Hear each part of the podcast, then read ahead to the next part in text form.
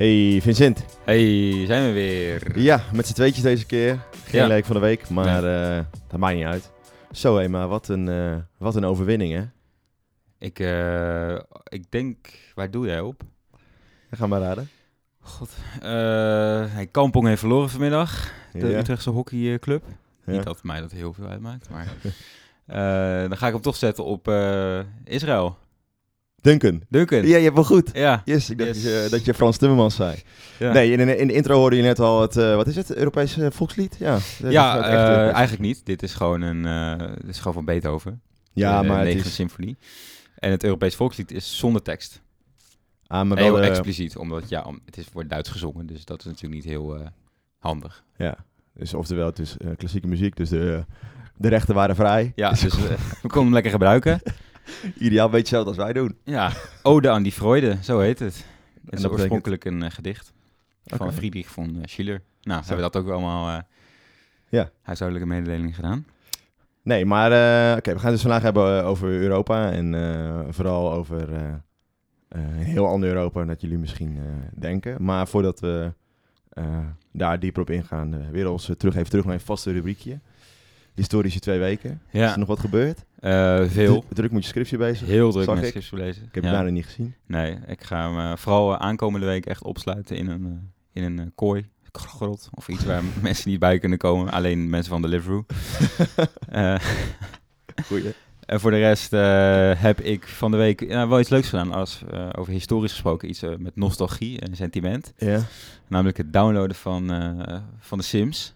Oh, op ja. jou eh, aanraden. Oh ja, ik zei eerst gratis. eh, ja, dat is nog dus... een- eh, tot overmorgen kun je dat nog gratis downloaden, volgens mij. ja, nog, nog twee dagen. Ja. ja Dus als, dit, als dit erop staat, is, is, is het te laat. is het te laat waarschijnlijk. ja.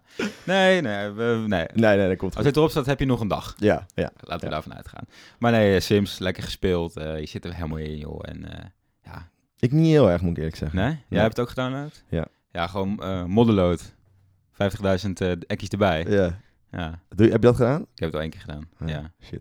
Ja, ik nog niet. Maar misschien moet ik dat gewoon doen. Ik denk dat het spel daar ook op gebaseerd is. Je kan niet genoeg geld krijgen om dingen te kopen als je Nee. dat niet doet. Nee. Maar goed, daar gaat het vandaag helemaal niet over. Ja, Nee. voor de rest gewoon heel druk geweest met scriptie en eh, weinig hele spannende dingen. Ja, leuk joh. Ja, en eh, van, jou, eh, van jouw kant? Heel weinig eigenlijk ook gebeurd. Wel iets historisch gedaan. ges- ge- ja, geschiedenis geschreven. We hebben, Oh. een, we hebben een bedrijf opgericht. Oh ja, god, ik zou het al haast weer vergeten, joh. Of we moeten nog geheim blijven. Ja, shit. Al de concurrenten en de Belastingdienst. Eh, Ja. Ja, we hebben het officieel eh, deze onderneming eh, vastgelegd. En, Ja, Wie weet onder wat het motto van Dream Big.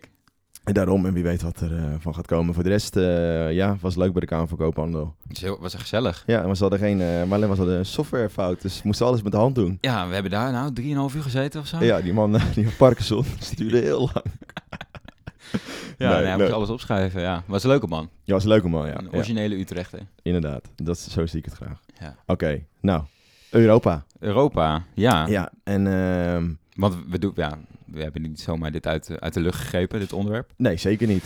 Zitten, de afgelopen weken zitten vol met Euro- Europa. Ja. Afgelopen donderdag hebben we gestemd voor Europa. Op dit moment, als wij dit opnemen, het is nu eh, zondagavond. Zo, eh, komen de eerste exit polls eh, binnen. Ik weet niet, wordt er nu nog gestemd? In Nee, Italië mij- was als laatst, maar ik weet niet tot hoe laat. Ik weet het ook niet. Maar om 9 uur kwamen de eerste exit polls. En het lijkt erop dat de Christen-Democraten en de Sociaaldemocraten iets verliezen, maar een meerderheid behouden. En dat de Mm. winst bij de populisten minder is dan verwacht. As always, Eh, ja, denk Ja. ik. en dat is het eigenlijk een beetje. En donderdag hebben wij natuurlijk al gestemd. Ja. Eh, maar goed, we hebben ook eh, allemaal gejuicht voor eh, Duncan. Ja, ik niet, maar ik heb het niet gekeken. Nee, ik heb maar- het wel gezien. Ik heb het, de optredens niet gezien, maar bij de puntentelling word ik altijd bloedfanatiek. Ja, het ja. duurt lang joh. Heel lang. Ja, maar goed. Dus ja, het is vol, afgelopen twee weken vol met Europa. En wij dachten, we moeten iets met Europa doen. Ja, En we zijn eigenlijk ja, achter de naam Europa ge- daar zijn we eigenlijk mee begonnen. mee Ja. begonnen. Van waar komt die naam vandaan? En dat is het eigenlijk ook, dat is het centrale figuur dat we dus nu behandelen. Ja, want dat is de Fenicische prinses of, Fenicische, of dochter van de Fenicische koning Ja. Europa. Ja, En eh, die, dat meisje was waarschijnlijk heel knap. zij was, gesteld. ja, zij was ja, wel het mooiste meisje van, eh, van Venetië in Ja, ieder dat geval. Is, dat is ongeveer, waar moet dat? Een Libanon. is Libanon dat? is Ja. dat nu, ja. En dat is een van de oudste beschavingen. Ik denk als je, zoals wereldgeschiedenis, als je daarin duikt, is dat een van de beginpunten. Ja, ja. En dit eh, Europa was dus een, eh, een meisje die eh, volgens de overlevering, en dan hebben we over de Griekse mythologie, Ja, eh, daar met vriendinnen aan het spelen was.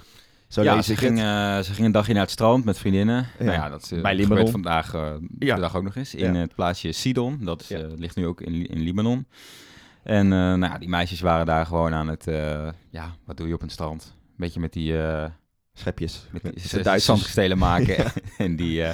hoe noem je dat nou? Van die eh, tennis eh, dingetjes. Beachtennis. Beach, ja, dat heet toch anders? Nou, maakt niet uit. Maar dat eh, waren ze gewoon lekker aan het doen. eh, allemaal helemaal prima. Maar vanuit, ja, vanuit waar? Vanuit een soort opper perspectief keek iemand mee. Ja, vanuit zijn skybox Ja. keek hij mee. Hij zat op zijn, op zijn, op zijn berg, Olympos, Ja. 2911 meter hoog. Oh. dat stond in het boekje, dus dat zal wel waar zijn. ja, nee, dat geloof ik. Dat gelijk. Had, Ik heb dat het niet gemeten. Heeft Homer dus opgeschreven, dus dan moet het haast wel eh, zo Ja. zijn. En eh, dan hebben we het over de oppergod eh, Zeus, de Griekse oppergod Zeus, Ja, ik denk iedereen wel bekend, toch? als god van de donder. Ja, schot van de donder. Mocht je ooit nog een keer willen Ja. vloeken zonder niet te vloeken, zeg dan heel snel achter elkaar, god van de donder. dan klinkt het als dat andere scheldwoord. En hij zat daar en hij, ja, hij heeft een, een oog laten vallen op, op Europa. Ja, geef Maar- me ongelijk. Ja, was een hele knappe mooi meid. Maar goed, eh, hij, hij was een god, dus hoe ga je, hoe ga je zo'n meisje eh, verleiden? Ja. En hij had een vrouw al thuis zitten. Ja, ja. Hera. Hera, ja. Dus hoe ga je dat, hoe, hoe, pak, hoe zou jij dat aanpakken? Nou ja, weet je, ik zou het, ik zou het gewoon niet aangaan. Dat, Nee. Bij mij zou dat misgaan. Maar goed, hij is god, hij, Hij kan is God, alles. dus- Hij is eh, ja, on, ja. onweerstaanbaar en Ja. onverslaanbaar. Dus eh, hij eh, liet zich omtoveren, verkleden als, eh, als, een, als een stier, een witte stier. Ja. En dat is niet heel opmerkelijk, want een stier is in de Griekse mythologie eh, redelijk belangrijk. Is vaak de hoofdrol, ja, vervult vaak een hoofdrol in de Griekse mythologie. En vooral op Kreta, waar eigenlijk de Griekse beschaving is begonnen. En eh, dus ja, die Zeus die laat zich ja, die komt daar dat strand op. ja, als een En, hele mooie witte, st- ja. witte stier. En die meiden die hadden dat nog nooit gezien. Nee. Zo'n mooie stier dat dat Ja, was. ja. Dus ja, ze lopen daar naartoe, een beetje aftasten. Van, Ja. eh, nou, en die stier is heel vriendelijk. Ja, doet niks En, terug. En eh, Europa gaat op een gegeven moment gewoon een En beetje ze versieren aaien. hem met eh, blo- bloemenkransen. Ja, ja, en ze gaan hem aaien. Ja. En op een gegeven moment denkt Europa van, nou, misschien wil ik wel op, op zijn rug zitten. Een stukje rijden. Een stukje rijden, kijk wat er gebeurt. En dan denkt Zeus, yes, dit is mijn moment. Dit is een moment. En hij, eh, ja, hij wacht op, eh, op eh, Europa en is langzaam eh, klimt ze omhoog op die, op die rug van die stier. En als ze dan eenmaal zit, dan eh, rent hij er vandoor het water in. En dan zwemt hij zo in één keer naar Kreta toe. Ja, de hele nacht zwemt hij door. Ja, en, En de volgende dag ja, en, langzaam ziet Europa eh, haar eh, va- vaderland verdwijnen in de verte als een stip op de horizon. En komt ze aan op, op Kreta. Ja, en het schijnt dat ze daar dan wakker wordt, zo die ochtend. En Ja. die, die, stier is dan weg. Ja, En, en, en dan komt, komt Zeus tevoorschijn als in zijn gedaante zoals hij was. ja. Zeg maar niet Zo, verkleed. als god. Als god zijn. Ja. Ja. hoe dat er dan uitziet, weet ik niet. Nee. En dan is ze nog verliefder, zeggen ze. Tenminste, ze bedrijven de liefde meteen. Ja, ze bedrijven liefde. Ik heb ook verkracht gelezen. Dus eh, Ja, het is een beetje... ja, je kan ook niet nee Zijn zeggen heel- tegen God. Dus dit, nee. hè? Er zijn heel veel schilderijen over waarin inderdaad die, die, Ja. dat, de- op allerlei verschillende manieren wordt afgebeeld. De ene keer is verkrachting, de andere keer eh, zijn, ze, zijn ze verliefd op elkaar. Maar goed, het gaat goed. Ja. Eh, ze hebben dan... het is ja, een one night stand. ze hebben- en, nou nee, want ze krijgen ook nog drie kinderen later. Ja, maar volgens mij is dat gewoon van één, eh, van één keer. Ja, dat is een beetje... Toch? ja, ja, want het verhaal, de mythe gaat... eh, dat, eh, dat op Kreta maakt eh, Zeus zich dan bekend als god en niet meer als stier. En dan bedrijven ze de liefde in een grot die je nog steeds kan bezoeken. Dus ga daar zeker een keer naartoe. En dan krijgt Europa een speer die nimmer zijn doel mist.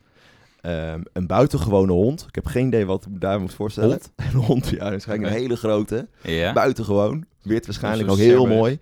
En een, eh, bronzen man, Talos, die eh, Kreta voor haar beschermt tegen alle gevaarlijke mannen die eh, rondlopen op, eh, op Kreta. En krijgen ze drie zonen, Minos, Sarpedon en een, een onuitspreekbare naam, Radamantis. Ja, ja. Ik had hem niet. Ik had gewoon drie zonen. Drie ja, drie kinderen. zonen. Nee, ik Ja. heb het nog even, Dus oftewel, eh, Ja, ja, maar ze op- trouwden met de koning van Kreta. Ja. En die, eh, die adopteerde die zonen met koning eh Asterion. Ja. En daarmee werd zij ook de koningin, de koningin van Kreta. ja, en is eigenlijk denk ik de naam Europa ja, begonnen. want je, je zei het al, een van die zonen van haar was Minos. Ja. En daarvan kennen we de Minoïsche beschaving. Ja. En dat wordt eigenlijk gezien als in ieder geval het begin van de Griekse samenleving, van de Griekse beschaving. Ja. En vervolgens is de Griekse beschaving dan weer de... Uitgegroeid tot een soort van de Ja, de ja, bakermat van, de Europese, beschaving. Dat is tenminste wat veel eh, mensen, eh, mensen zeggen. Ja, Maar misschien... eh, dus dan hebben we eigenlijk nu dat verhaal. Het is een redelijk kort verhaal eigenlijk. Ja, het is Maar- een heel kort verhaal. Ja. Opgeschreven is door... of tenminste doorverteld is en uiteindelijk nog steeds onthouden is en opgeschreven is. En Er zijn ook wat, wat, ja, wat, wat, wat logischere verklaringen voor waar komt Europa nou vandaan, die Ja. Eh, als je gewoon puur kijkt naar de taal. Een andere verklaring is dat het een samenvoeging is van woorden van eh, euro's. Eh, dat betekent wijd. En Mhm. ops. En dat is, betekent dan oog. En dat zou dan kunnen duiden op die, wel op die prinses. Dat zij eigenlijk met wijde ogen, met soort naïviteit, ja. op die stier klom. En, en, en dat het daardoor haar, na, haar die naam is gegeven of andersom. Dus Ja. dat is een beetje een oorzaak-gevolg eh, verhaal. En in die, en die samenlevingen waar we het al over hadden, dus die eh Fenicische samenleving en eh, daarnaast had je ook nog de Akkadische samenleving, Akkadië. Mhm. En in, in het Fenicisch heb je Erubu. En dat betekent duister of avond. En in het Akkadisch heb je Ereb. En dat betekent soms ondergang. Dus een beetje hetzelfde. Eh, en dat is ook logisch, want ehm, waarom dan ons deel, of ons continent waar we nu leven, waarom dat Europa genoemd zou worden.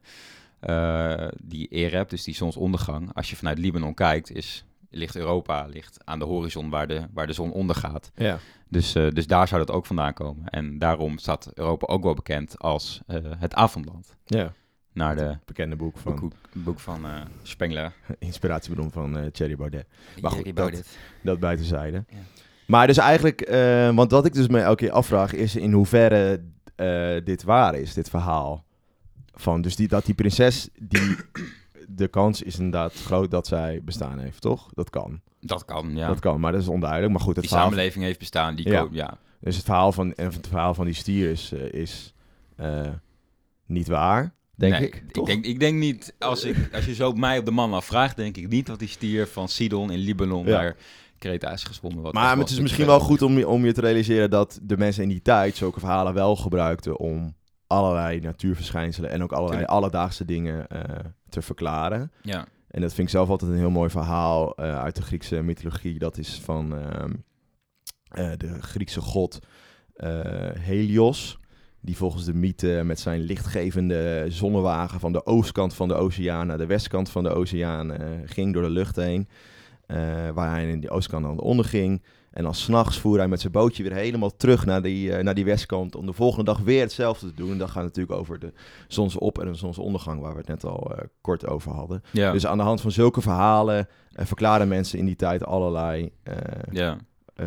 ja, natuurverschijnselen. ja, ik denk niet dat, dat je het echt per se zou kunnen vergelijken met religie, zoals we dat nu kennen. Zeg, Nee. da- daar haal je denk ik meer dagelijks ook eh, dingen uit. Ja, En die mythologie was inderdaad echt van, oké, hoe, hoe is nou alles ontstaan? En, en hoe kunnen we de wereld om ons heen verklaren, maar niet echt... ja, eh, ik, ja. ik weet niet echt of er nou echt gebeden werd of zo naar bepaalde goden. Of, ja dat, dat- volgens mij dat gebeurde wel. Eh, maar je zag ook dat heel veel goden overgenomen werden of weer uitbreiden. Je had natuurlijk Romeinse goden. en Griekse ja, die goden waren dan uiteindelijk kregen een andere naam. kregen een andere naam en uiteindelijk eh, eh, ook weer gedeeltelijk bij. Maar goed, dit is niet ja, mijn, daar eh, gebeurde dat wel inderdaad. niet mijn onderzoeksgebied. ik heb daar nooit wat, eh, wat mee gedaan. En ze hebben natuurlijk Nee. ook geen vaststaand boek gehad, zoals, eh, zoals de Bijbel of de Koran. Nee. En het was ook veel... De Griekse mythologie is best wel licht van, van kost. Het gaat er altijd, bijna over, altijd vaak over positieve dingen. In de Bijbel hoor je natuurlijk ook, lees je ook heel veel eh, vreselijke verhalen. Ja, Dus dat is wel eh, een eh, interessant gegeven. En tot de dag van vandaag heeft het nog invloed op ons. Want op zich, we kennen al die namen. Zeus kennen we. En we- de naam Europa wordt ja, nog, steeds, nog steeds gebruikt. en dat verhaal van, ja, je zei het al, het is een, een groot motief in de, in de schilderkunst en in de Ja. beeldhouwkunst. Je- ja, als je het ziet, een, een vrouw op een stier, nou, dan weet je, dat gaat dus nu over dit verhaal. Ja. Eh, daarnaast eh, zien het ook nog eh, op je geld vandaag de dag. Ja. Het is een watermerk in de, in de, in de briefgeld. En het staat op de Griekse 2 euromunt, staat Europa op de stier. Ja. Dus het is ook wel eh, aangegrepen echt als, ja, als ja, legitimering, als legitimatie van, De naam. van, het idee Europa. Ja, Of, ja. of eh, dit is waar, waar wij onze identiteit aan ontlenen. Of uh, Ja. En dan komen we eigenlijk meteen aan bij ons tweede en, eh, punt van, eh, van deze aflevering. Van wat is dan Europa precies? Ja. Daar zijn enorm veel eh, verklaringen over. En dat is iets waar ik zelf niet zoveel over nadenk. Want misschien Nee. zit je als Nederlander wel in het middelpunt van eh, Europa. Of, Of wil je in ieder geval denken dat je wil je in ieder geval denken, want je denkt, ons land stond aan de bakenmat van, eh, van Europa. Maar als we kijken naar, laten we zeggen, eh, waar we dan nu voor gestemd hebben, dat is natuurlijk het politieke. En het politieke Europa, dat is eigenlijk nog maar heel jong. ja. Dus ontstaan na de Tweede Wereldoorlog kreeg je mensen het idee van, eh, wat je eigenlijk altijd ziet van shit, we moeten gaan samenwerken in plaats van oorlog gaan voeren. Ja, dat was Winston Churchill die, die, eh, Ja. die dat heeft geopperd. Dat er toch maar een soort vorm van samenwerking moest komen. Ja, Want je had natuurlijk Frankrijk en, en Duitsland met name, die nou ja, elkaar bijna een eeuw over de klingen eh, aan het jagen waren. aan het ja. jagen waren Ja. en eh, constant eh, met elkaar in, in conflict waren. En daar moest iets op verzonnen worden, dus dat- zodat die landen van elkaar afhankelijk werden. En daar werd die Europese gemeenschap voor kolen en staal natuurlijk opgericht. En Ja, kolen en staal was... Was het, waren de belangrijkste grondstoffen voor, voor oorlogsvoering. En als, Ja. als iedereen dat in de hand hield en van elkaar Als wist... dat een beetje gereguleerd werd. Ja, dan was de kans op oorlog minder, minder groot. En eigenlijk zit pas sinds 1992, dus bij het verdrag van Maastricht, zijn we echt het Europa wat we nu Ja, eh, zijn. Dus eh, daar zijn de eerste stappen gezet tot een Europese munt, et cetera. En een gedeelde... vrij reizen. Ja, Schengen. De Schengen was natuurlijk al iets langer. Dus de Schengen-verklaring was al in 1980, maar dat was al Ja. tussen een gedeelte van de landen. Dus dat iedereen vrij kon reizen zonder eh, je paspoort laten zien tussen Duitsland en, of West-Duitsland in die tijd en Nederland. En Nederland en Frankrijk. En dat heeft zich vanaf 1992 alleen maar uitgebreid. Maar goed, hier hebben we het dus vooral over het politieke construct of het politieke idee van, van Europa. Maar het eigenlijk Ja. is het nog veel meer. Je hebt natuurlijk het geografische idee van Europa, waar we eigenlijk Ja. net al met die eh, met, het, met de mythe al over hadden van... eh, eh, nou, op Kreta, en ze keken naar, naar het westen, dus waar de zon altijd onderging, dat is dan Europa. ja. Maar waar begint Europa dan en waar houdt het op? Ik, weet ja, jij dat? eh, nou ja, er zijn eh, allerlei verschillende dingen over natuurlijk. Ehm, je, je- al vrij vroeg ehm, zie je dat eh, ook plaatsen in, in Griekenland en in Noord-Macedonië tegenwoordig. Ja, Dus dat bedoel ik niet het noorden van Macedonië, maar het land. Noord-Macedonië mee. ja, zie je dat plaatsen en rivieren ook Europa worden genoemd. En, en daar zijn ze dan weer vernoemd naar een soort aardgodin, die ook Europa heette. Eh, en later werd het Griekse vasteland weer aangeduid als Europa. Of, eh, en daarna weer het eh, volledige Europese vasteland. ja. Of, of de kust, de, de oostkust van, van Griekenland in, in Mhm. dit geval, werd dan als Europa beschouwd vanuit, vanaf de andere kant. Ehm, en andere geografische grenzen zijn vaak de Caucasus, wordt Ja. aangeduid in het oosten. Dan in het noord, of in het zuidoosten heb je de Bosporus in Istanbul, die rivier die Istanbul Ja. scheidt in twee delen. Eh, en dan aan de westkant heb je de straat van Gibraltar. En voor de rest zijn het gewoon de zeeën die om Europa heen liggen. Eh, maar vooral die oostgrens in Rusland, die is nog eh, wel eens verschoven in de, Ja. in de loop der tijd. Je hebt de Caucasus, maar dan heb je ook de rivier de Don. Die loopt iets ten oosten van Moskou helemaal door, helemaal van noord naar zuid. Maar ook de Wolga is wel eens beschouwd als de grens. En dat ligt echt nog wel een stuk oostelijker. Ehm, en, en dan wordt er ook wel met name gekeken, vaak eh, valt me op, wordt er gekeken naar water. Als, als nat- soort natuurlijke grens. Daar, is- daar is men toch wel naar op zoek. Eh, en ik dacht, misschien is, is, is, is zo'n watergrens ook wel wat logischer, omdat je moeilijker eh, water over kan, kan steken dan, dan land. En dat je daardoor ook meer verschil in, in cultuur eh, zou hebben. Het is natuurlijk makkelijker om van, van Spanje Ja. naar Frankrijk te Ja. gaan dan... eh, of van Zuid-Spanje naar Frankrijk te gaan, dan van Zuid-Spanje naar Marokko, terwijl dat veel dichterbij ligt. Ja. Maar Ja. dan moet je ja, toch een boot hebben of, of iets dergelijks. Ja, dus die, die, die moeilijkheid, die brug eigenlijk die je over Ja. dat maakt dan... eh, Ja, een- een- dat kan een cultuurverschil eh, veroorzaken. En je leest ook wel veel gewoon überhaupt klimaat. Dat is ook een belangrijke afscheiding van, eh, van Europa. Het gaat denk ik gewoon vooral om, om soort van dezelfde levensomstandigheden of Ja, zoiets. En daar ja. is klimaat natuurlijk best wel een groot onderdeel van, zeker eh, vroeger. Ja, Waarin je gewoon constant buiten bent en leeft van landbouw die wel of niet lukt. Of eh, en dat soort dingen. ja, ja, dus dat is... ja. Maar goed, wat je dus net zei over die... ehm, eh, dat is wel interessant, over dat... dat delen van ideeën en uitwisselen van ideeën en, en het vrij kunnen reizen zonder dat je het water over moet. Dat is vol- volgens veel historici de, een van de kerndingen waarom Europa zo dominant is in de geschiedschrijving. Ja, Dus waarom, waarom we, eh, nou, dat wij, maar waarom Europa zo ver eh, ontwikkeld is in vergelijking tot andere landen op dit moment, of in ieder geval in de geschiedenis. En dat is natuurlijk dat idee is vooral in de 19e eeuw eh, weer ontstaan. Dus Europa als de moderniteit. En de moderniteit is natuurlijk een heel westers begrip, want wat wij modern vinden, vinden andere eh, continenten weer niet modern. Maar wij Ja. vinden dat modern, dat hebben we dat nu overal opgeplakt. En daarmee zijn wij eh, eh, zo vooruitstrevend. Dus al die technologie, de verlichting, wetenschappelijke ontwikkeling, et cetera, dat heeft allemaal geleid als in zo van. Daarmee onderscheiden we ons van de rest. ja. En dat is best wel. een- En dat, her- dat noem je gewoon othering. Dus kijken naar Ja. altijd maar afzetten tegen de rest. En daardoor een soort van idee van eenheid creëren. En dat wordt ook heel erg be- bekritiseerd weer door Edward Said. Dat is natuurlijk wel een belangrijke en bekende schrijver. Maar je hebt ook Chakrabarti, vind ik zelf weer interessant. Gaan we even de diepte in nu. Onthoud deze naam. Hij heeft het over eh, meerdere, meerdere moderniteiten die naast elkaar leven. En dat is wel interessant, dat idee. Want we hebben het altijd maar over één moderniteit. En dat is de Europese moderniteit. Maar er zijn Ja. verschillende moderniteiten. En als we terugkijken in de geschiedenis, zijn best wel veel ideeën. Van, dus laten we zeggen, best wel veel wetenschappelijke ontwikkelingen in de middeleeuwen zijn gewoon gejat uit China. Het buskruid, eh ja, hele eh, wiskunde. en ook uit de Arabische landen, Ja. van het hele schrift. Het hele komt schrift, vandaan. ja. En toch hebben we het voor elkaar gekregen om ons een soort van af te zetten en ons te kwalificeren als, eh, als de beste in de wereld. ja nee, dat is een heel interessant eh, ja. eh, idee. Het, is- het is ook wel eh, terug te voeren op, eh, op de militaire geschiedenis.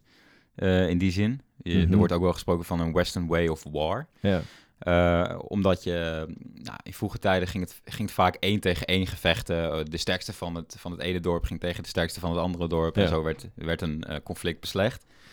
En op een gegeven moment hebben de Grieken wel door dat dat anders moet. En die gaan in zogenaamde phalanxen vechten. Dus dat zijn die vierkanten met schilden en speren. Dus dat ze dat je eh, helemaal beschermd in rijen staan. En die speren die staan dan... de- van de voorste staan ze recht omhoog. Die achter staan iets schuiner Ja. omhoog. En Dat zie je ook bij Game of Thrones, toch?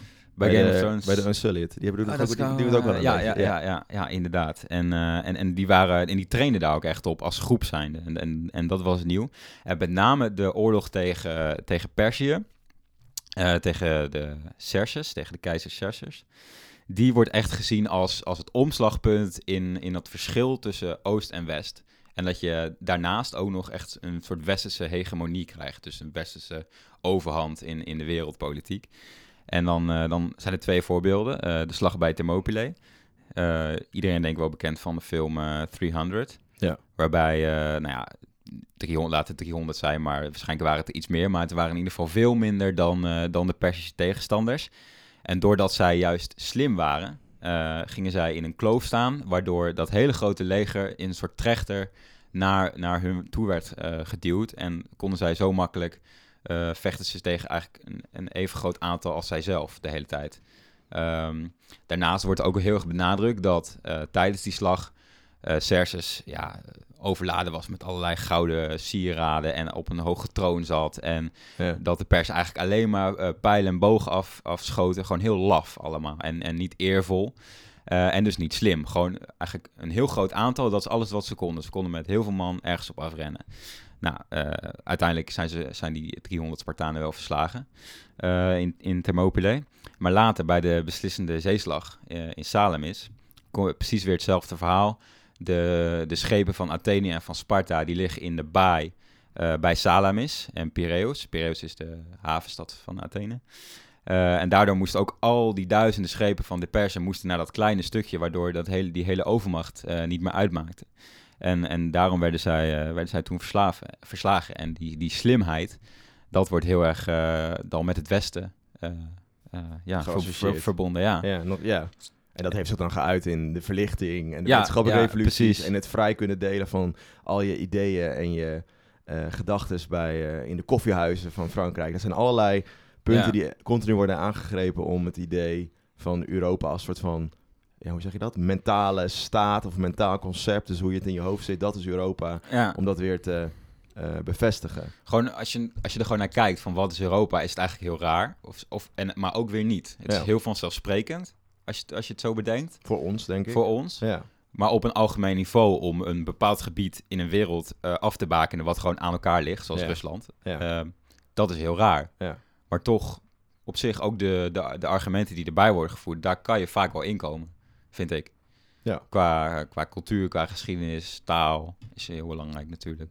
Ja, ik vind, ik vind vooral interessant die taal, dat, is natuurlijk be- dat die best wel overeenkomt. Uiteindelijk een soort van veel op elkaar lijkt. Behalve misschien dan eh, als je verder naar het eh, oosten gaat.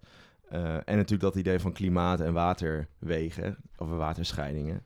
Ja, Daarmee wordt het wel een soort van vast dingetje voor mij, Europa. ja. En we hebben nog eigenlijk een heel belangrijk ding, hebben we het er nog helemaal niet over gehad. Wat, eh, wat Europa onderscheidt van, eh, ja, van aanliggende continenten. Eh, de religie. Ja. Dat, dat speelt natuurlijk ook een hele grote rol. Ja, Met ja. name de, ik denk vooral de reformatie dat dat een grote rol heeft gespeeld. Omdat op dat moment, Mm, het nou, misschien, nee, ik denk, misschien moeten we echt wel helemaal bij het begin beginnen. Gewoon het, überhaupt het christelijke geloof en, en alles dat is wat, natuurlijk al een verschil. wat eronder hangt is al... En dus ja, gewoon hoe je je samenleving inricht, normen en waarden, et cetera. Dat is al een heel groot verschil. Want die christelijke, dat christelijke geloof heeft ook weer eh, een belangrijke rol gehad... in bijvoorbeeld de Romeinse wetgeving uiteindelijk. En die Romeinse wetgeving is een soort van... Dat, heeft nog, dat, ja, dat werkt nog steeds door in onze eigen wetgeving. Dus die, dat idee is ook al... Weet niet hoeveel eh, jaren oud. ja. Dus dat is al een heel in, belangrijk. die, in die late Romeinse tijd heb je natuurlijk dat je West en Oost, Ja. eh, het westelijke en het oostelijke rijk krijgt. Ja. En dan dat ook Oostenrijk steeds meer naar, naar eh, dat oostelijke rijk meer naar het oosten trekt. Ja. En meer ook naar de, de islam en, en die kant op. En dat westelijke rijk veel meer beïnvloed gaat worden door die Germaanse culturen die ja. tot dan toe eigenlijk eh, voornamelijk op zichzelf waren gericht. Ja. Maar daar ja, dat steeds meer gaat, eh, met elkaar gaat assimileren eigenlijk. Ja, en dus dat, maar dat is ook in, heel interessant, dat christelijke geloof. En dan zie je ook dat Weber, dat is een belangrijke filosoof, die zegt ook zelfs dat het protestantisme, dus dan gaan we weer terug naar de reformatie, daar is het protestantisme ontstaan, dus er wordt kritisch gekeken, het, eh, eigenlijk voor het eerst, naar de religie. Eh, en dan zegt hij in de 19e eeuw ook zoiets van, eh, door het protestantisme eh, zijn wij als Europeanen vooruit gegroeid en eh, verder ontwikkeld dan de mensen die bijvoorbeeld boeddhistisch zijn, want in boeddhisten le- leven ze vooral op de dag met de dag zelf en zijn ze rustig tussen haakjes. En houden ze zich niet, op- ja, houden ze gewoon niet zo bezig en hebben ze niet zo'n onderzoekende geest als eh, de, de protestanten.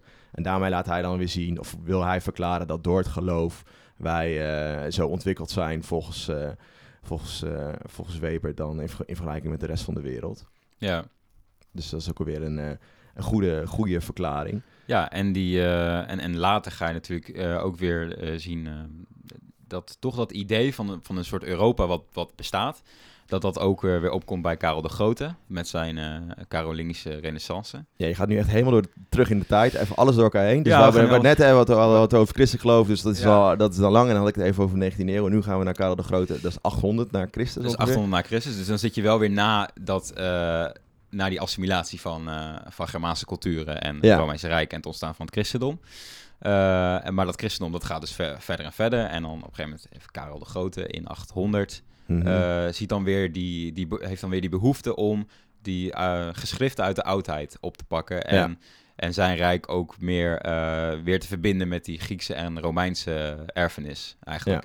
En dat je ook ziet dat bij het idee van Europa en, en, en een grote rijk op het continent, dat er vaak wordt teruggegrepen op de ideeën van de Romeinen en de Grieken als, ja, echt als, basis, als basis van die samenleving. En ik denk dat dat eigenlijk wel iets heel constants is. In, Ja, dat is altijd zo. van het zoeken naar wat is Europa. Ja. En, er, ja, en zie je dan in de renaissance, de echte renaissance, zie je dat weer.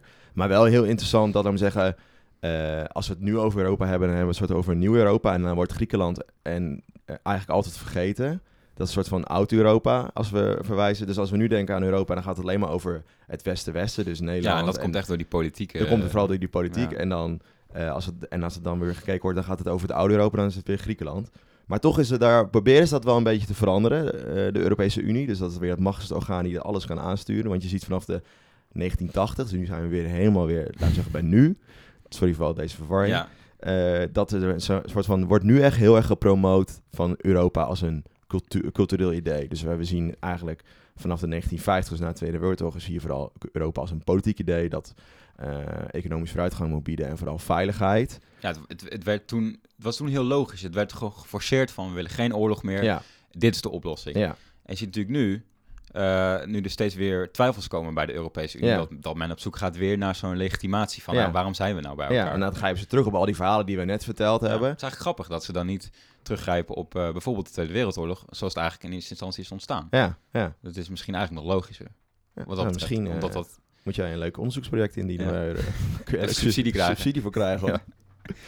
Ja. maar dan zie je eigenlijk dat met dat Europa als idee, dat is een hele, een, tenminste een- misschien wel de belangrijkste uiting op dit moment is de eh, culturele hoofdstad van Europa. Dat is natuurlijk Leeuwarden, dat was het vorig jaar. En zie je dan dat het zijn vaak drie steden tegelijk en dan verdeeld over heel Europa. Dus ook het oosten, dus ook Grieken, Griekse steden en ook Noord-Macedonische steden en weet ik veel wat worden erbij betrokken, Sloveense steden. Dus dan zie je door heel Europa zijn dan dezelfde culturele activiteiten, laat maar zeggen. Dus dan wordt het dan juist dat idee. ja, En ze hebben juist, wat wel interessant is, dat ze een soort van nu een nieuwe missie hebben. En dat is dat ze united zijn in diversity. Dus we zijn, we zijn verenigd in onze diversiteit. Dus we hebben niet meer een heel Europee, Europees idee wat over vooruitgang gaat. Waarin we vrij mogen denken en waar we zo ontwikkeld zijn in vergelijking met de rest van de wereld. Maar het gaat heel erg over, we zijn allemaal anders, maar daardoor zijn we juist één. ja, Het is wel interessant hoe ze dat eh, aanpakken. En dat zie je dan weer terug, natuurlijk weer bij het Eurovisie Songfestival, eh, bij de UEFA, dus voetbal, et cetera. Alleen krijg je dan weer meteen die problemen van wat doet Israël bijvoorbeeld bij Ja. Eurovisie, wat doet Australië? Israël zit ook bij de UEFA. Dus dan krijg je weer meteen die discussies van, ja, Wat mij is Europa eh, nou? Is, is Australië puur eh, economisch Ja, bij het interessant Eurovisie, voor het ja. Eurovisie Songfestival. Maar Israël is, is zeer politiek gewoon aanwezig in, in alle Europese organen. Omdat het ja, natuurlijk een, vreemde eend in de bijt is eh, Ja, dat ze cultureel in, in hun regio. ja, daar passen ze beter bij. eh, Ja, dat is gewoon gevaarlijk. Ja. Als, als zij uit moeten naar, eh, naar Libanon. Ja. Dat wordt geen... Geen pretje. het is geen oude jongens krentenbrood, Nee, denk ik. nee, denk het ook niet. Nee. Dus ja, het is gewoon heel interessant hoe we dat aanpakken. En je kan tegenwoordig zelfs als 18-jarige mag je, gra- mag je dat aanvragen bij de Europese Unie om gratis te reizen, in te railen door, door heel Europa in een bepaalde periode. Dus dat laat ook weer zien van eh, ja, dat- idee van Europeaan zijn wordt heel erg eh, bevorderd worden. Ja, En dan zie je dat ook nu tijdens de verkiezingen daar ook dat best wel benadrukt wordt naast van eh, klimaatverandering, et cetera, et cetera. Maar ook het Euro- Europees zijn, Europeaan zijn en hoe dat eruit ziet voor elk land. ja. Dat is een belangrijk thema. Zou jij, dat was toch een vraag die bij me opkwam, zou jij één, één, één plek in Europa kunnen aanwijzen wat de meest Europese plek is van Europa? Een monument of een, of een Versailles. ja, Versailles? Ja? Ja. Ja, is, ja, is wel veel, Wel veel eh, gebeurt daar. Veel gebeurt. En laten we zeggen, ook laat ook weer de macht, het macht zien van, van, van Europa, laten we zeggen. Van internationale politiek. internationale politiek. Het, ja, natuurlijk het verdrag van eh, de vrede van, voor de Eerste Wereldoorlog is gesloten. Dat is daarna weer verbroken. Het verdrag van Versailles weer verbroken door Hitler, waardoor eigenlijk weer de Tweede Wereldoorlog is begonnen. Dus het zijn alle grote problemen zijn daar ontstaan. Maar misschien ook wel juist dat je buiten Europa moet kijken. Dus misschien ook, je zou ook bijvoorbeeld Kaap de Goede Hoop... eh, als ze zo van laat zien van wij gaan de hele wereld overvaren en we gaan overal maar alles beplanten omdat wij eh, omdat jullie ons nodig hebben, laat maar zeggen. Dat laat het ook wel een beetje zien. Ja. En dat st- Kaapstad nu is eigenlijk best wel een Europese stad. Omdat al die ideeën zijn Ja, meegenomen en daar uitgevoerd. En als je dan een stukje verder rijdt en je bent in Johannesburg of je gaat naar, eh, naar Swaziland, dan ben je opeens wel eigenlijk in een hele andere wereld. En dat ligt dan zo dicht bij elkaar. Is dan een, eh, is zo- zo'n samenwerkingsverband op, op basis van geografie dan ook niet totaal achterhaald zijn eigenlijk? Dat je misschien Tuurlijk, ook een eh, moet opzoeken naar culturen en, en, en, en, en die overeenkomsten te zoeken en daarmee samenwerkingsverbanden aan te gaan. Interessant, ja. En dan, dan, mag, je per, maar- dan mag je per dorp zelf bepalen waar je bij gaat. Ja, ja. Dit is een soort... Nee, maar dat is. eh, maar- Nee, Oké, dat staat er eigenlijk wel los van. Maar als je naar dorpen kijkt, is het eigenlijk precies hetzelfde.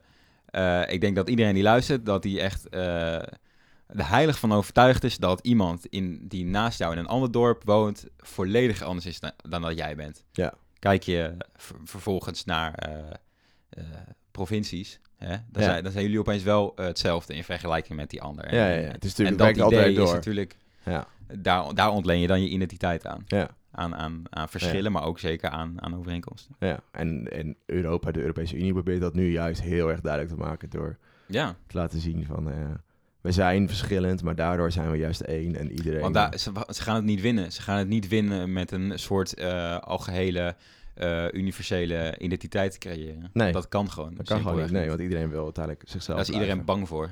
Ja. Dat, je, dat alles van je afgepakt wordt. Dat je Ja. niks meer mag zeggen, niks meer mag doen. Heb ik nog één laatste vraag, Oké. als je me toestaat? Ja. Ben jij voor eh, een, een soevereine Europese regering? Dus een, dat, dat, eh, dat de Europese verkiezingen echt een keer ergens over gaan. Dat, eh, dat er mensen worden afgevaardigd, van alle landen Mhm. daar naartoe. En dat ze echt dingen mogen bes- beslissen. Want dat mag dus nu niet, hè? Nee, nee, nee. Het, de, het Europees Parlement, de mensen die je kiest, mogen zelf niks verzinnen. Dat komt uit de Europese Commissie. Ja. En die commissie bestaat dan uit alle regeringsleiders van Ja. de lidstaten. Ja. Dus alle plannen komen uit de lidstaten zelf. En ja, worden vervolgens uitgevoerd door het parlement. Het, klinkt, het, het is natuurlijk een heel Maar inefficiënt... dat is, maar ja, maar dat is het grootste gevaar wat, wat landen zien. Het, het verliezen van soevereiniteit Ja. aan, aan zo'n Ja, samenwerkingsverband. maar daarom denk ik ook dat, dat, niet, dat je dat niet moet doen. Want dan verlies je het hele idee. Dan, dan verlies je toch Europa. Laat zeggen, dan Ja, wil dat- niemand meer. Dus dan, ja, dan gaan mensen uit de Europese Unie stappen. Ja. Landen, wat nu dus met de brexit gebeurt. Of misschien wel niet gaat gebeuren. Eh, maar goed, ik heb hier eh, wel een tijdje over nagedacht. Ik vond het interessant, want ik, ik heb bijvoorbeeld... Ik ben best wel, eh, zeg je dat? Best wel pro-Europa. Ik vind dat een mooi instituut en het werkt, want het brengt economisch vooruitgang, vooral dat. Dus ik vind ook dat we zoveel mogelijk moeten samenwerken. En ik zou mezelf ook wel best wel Europeaan willen noemen, maar niet per se Nederlander. Af en toe, maar ook af en toe Ja. niet.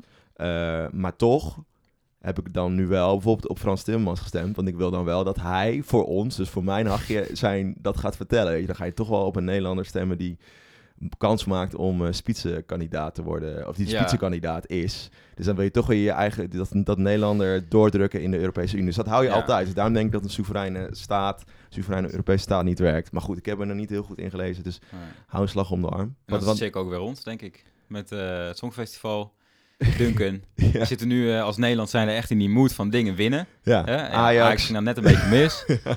Eh, ik denk dat dit de eerste keer is dat we het daarover hebben. Ja. Eh, maar nou, Duncan heeft gewonnen. En, en dan stem je toch ook weer op Frans Timmermans. Omdat je wil gewoon dat Nederland die spitsenkandidaat wint. Ja, Je wil gewoon die baas zijn. ja, dus dat, dat is het gewoon. Dat hou je altijd. Je wil altijd Ja. het, het beste voor jezelf. Ja, En dat is, dat is eigenlijk de hele, moraal van het verhaal. dat is eigenlijk de hele geschiedenis van Europa. Net zoals Zeus dat ook wilde. Ja, die wil het beste voor zichzelf. ja. Die wilde Europa versieren. Hij, je hij dacht echt niet na over het vormen van een Europees continent. Hij Nee. wilde gewoon, ja, precies. iemand bezwangeren. Ja, Nou, Ja. ik hoop dat jullie... we zijn eh, echt al lang over de tijd heen. ik hoop dat jullie het allemaal gevolgd hebben en dat jullie het eh, begrijpen. Mochten jullie nog vragen hebben, sluit weer in onze DM's. Ja. Dan eh, kunnen jullie al je vragen eh, beantwoorden over... Oh, we hebben eh, ook nog een leek van de week. Die hebben we nog helemaal niet aan het woord. eh Grapje. Dat zal leuk zijn. ja, Het is in slaap gevallen. Ja. Dus eh, ja, vergeet ons niet te liken. eh, vertel over ons. eh, geef ons een beoordeling op Ja. iTunes en Spotify, zodat we nog beter gevonden worden voor andere luisteraars. En dan... En zit je thuis en je denkt, ik wil een keer die leek van de week zijn. Dat is, kan absoluut. We zijn Ja. echt overal voor open. ja, heb je een, leuke, heb, heb je een leuk idee? Moeten we Mag ook. Ja. We hebben natuurlijk allemaal leuke re- reacties gehad trouwens. Ja, Pas. En daar gaan we nog iets mee doen. Dus eh, Ja. heb je gereageerd? Eh, verwacht binnenkort een belletje van Vincent. dat je langs Ja. mag komen. op je huistelefoon. Hey, eh, bedankt weer voor het luisteren. Ja, dag.